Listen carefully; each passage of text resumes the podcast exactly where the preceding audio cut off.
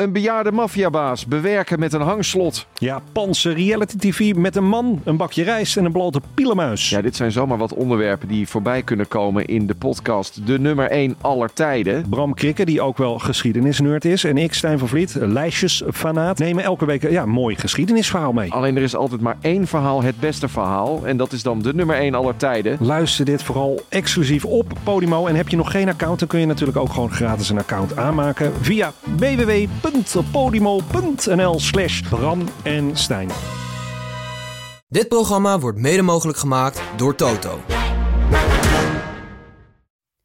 Bonjour et bienvenue bij de Daily Rode Lantaarn. Jouw dagelijkse korte vooruitblik op de Tour de France. Vandaag etappe 14 naar Mande.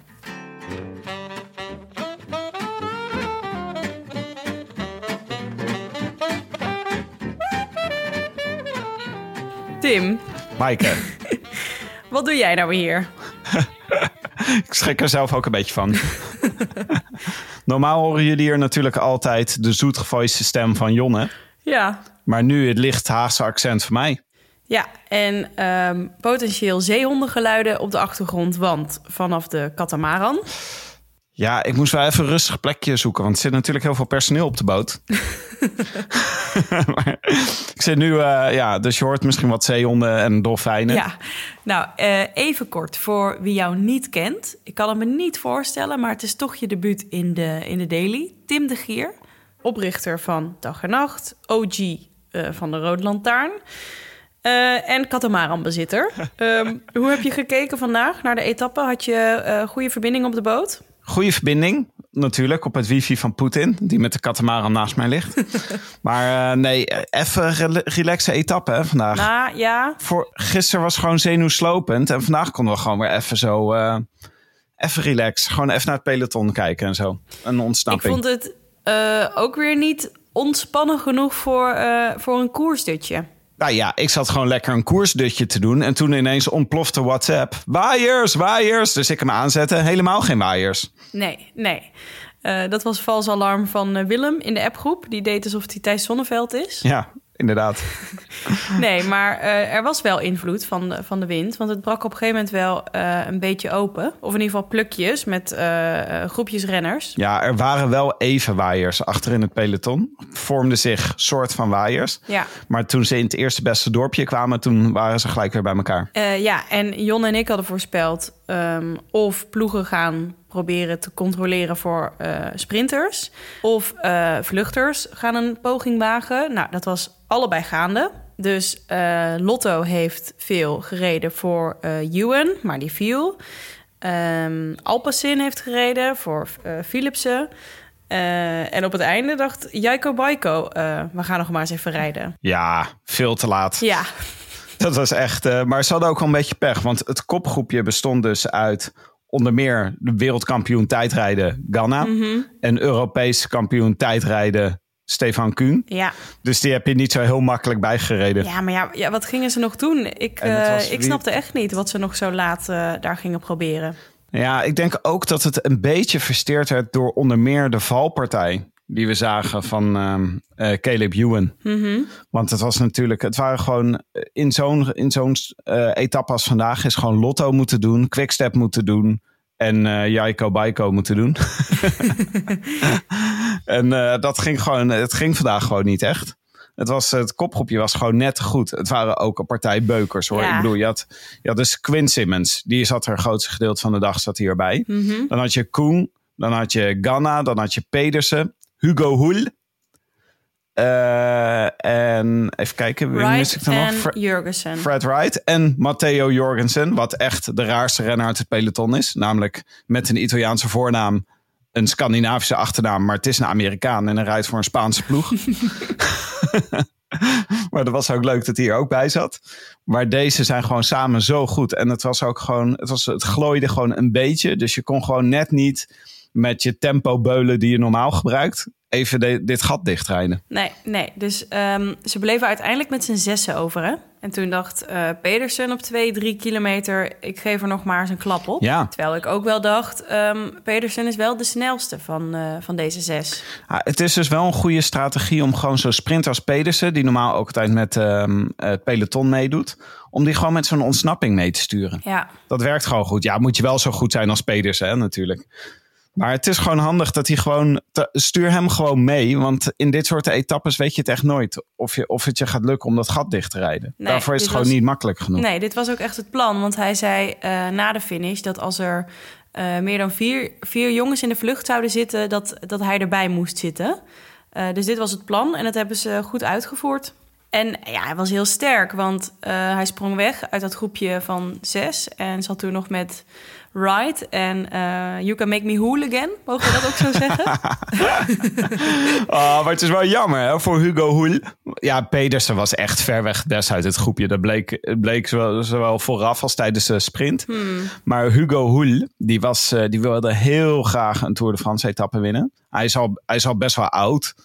Hij, ehm, hij heeft nog nooit een, in zo'n etappe. Hij heeft nog nooit in een top 3 gezeten in een, eh, in een, eh, in een eh, grote, grote ronde.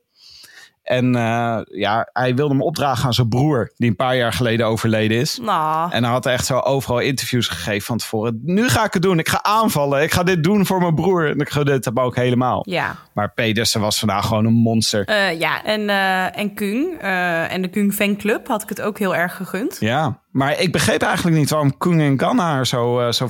Die moesten eigenlijk af op een moment dat ik dacht... Nou, dit is juist jullie terrein waar jullie het verschil moeten maken. Ja, ja, ja, dat was wel opvallend. Maar ja, Pe- Pedersen was gewoon echt heel goed. Ja. Eh, kijk maar naar eh, die machtige sprint ook nog. Die, die sprint. Ongelooflijk. Het was ook zo, het was nog naar elkaar kijken, weet je wel, alsof het no- nog iets met, iets met tactiek te maken had.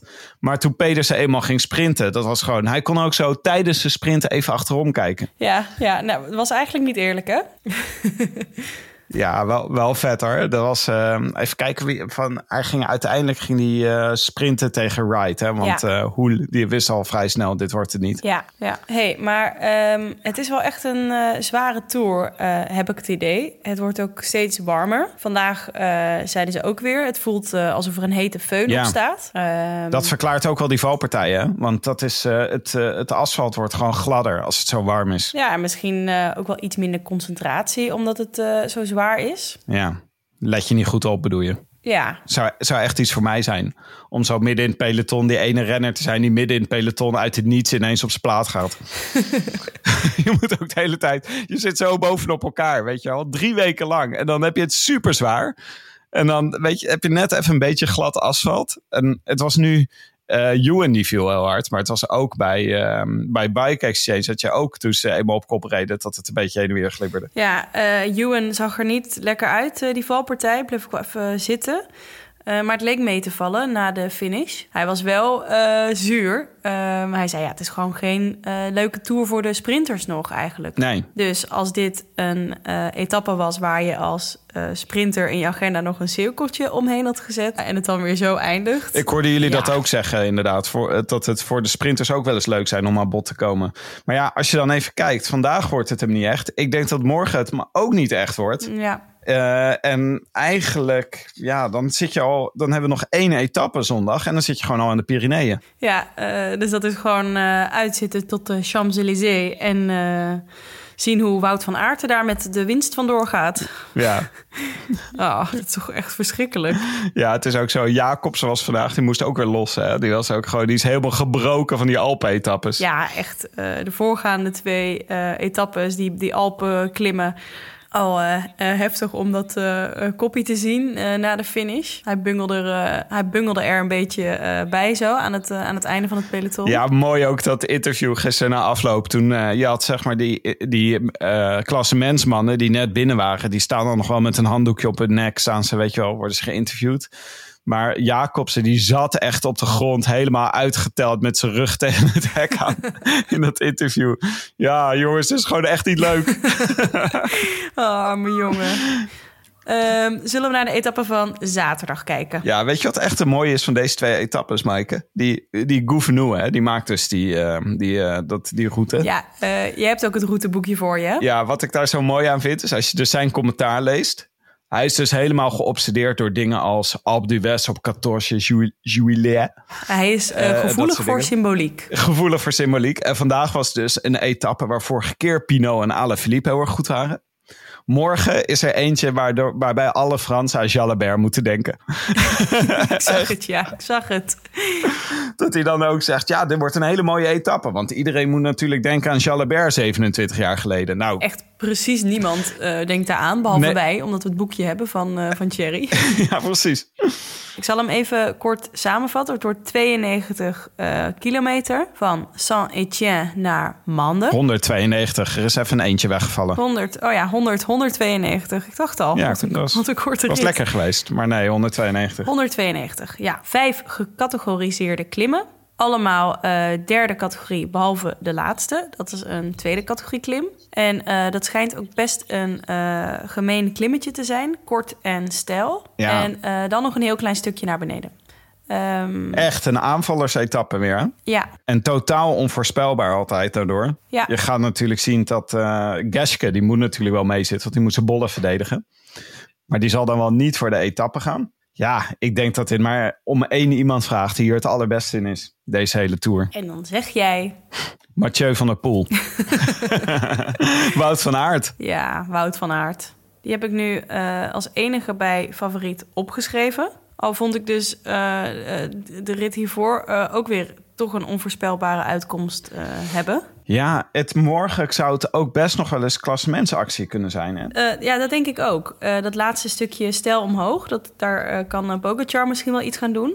Hij eh, zal ergens eh, dingen moeten gaan proberen. En ik denk dat hij daar eh, deze etappe wel aan begint. Denk, denk jij niet? Ja, ik denk dat ze kruid droog houdt tot de Pyreneeën. Eigenlijk, dat zou ik doen als ik hem was. Maar hij zegt de hele tijd in interviews dat hij aanvallen zo super vet vindt. Ja, Dus dan zal hij dat inderdaad morgen ook wel proberen. Maar als hij slim is, dan die klimmen in de Pyreneeën, die liggen hem echt heel erg. Hm. Dus ik zou hier gewoon denken, laat iemand anders stoplossen. En zeker niet zijn ploeg voor gaan opbranden, want hij heeft niet zoveel teamgenoten meer. nee, het is eh, amper een ploeg meer te noemen.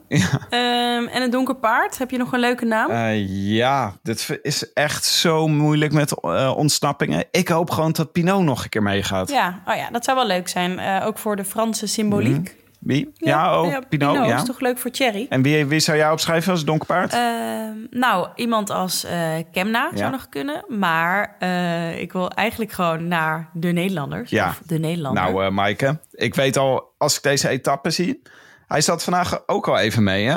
Het tijdperk, Bauke Mollema. Ja, eh Bouke zat erbij. Ik eh, vond dat hij er goed uitzag. Wat vond jij? Ja, hij zag er goed uit, maar zijn groepje werd gewoon teruggepakt. Ze wilden het overbruggen. Ja, ja, precies. Dat, was, eh, dat vond ik best knap dat ze dat groepje nog terughaalden. Ja, ja, vond ik ook. Maar, En waarom ehm, denk jij morgen dan, Boukesdag? Nou ja, Boukesdag. Omdat de twee eerdere tour-etappes die hij gewonnen heeft... waren ook op de 14e of de 15e etappe.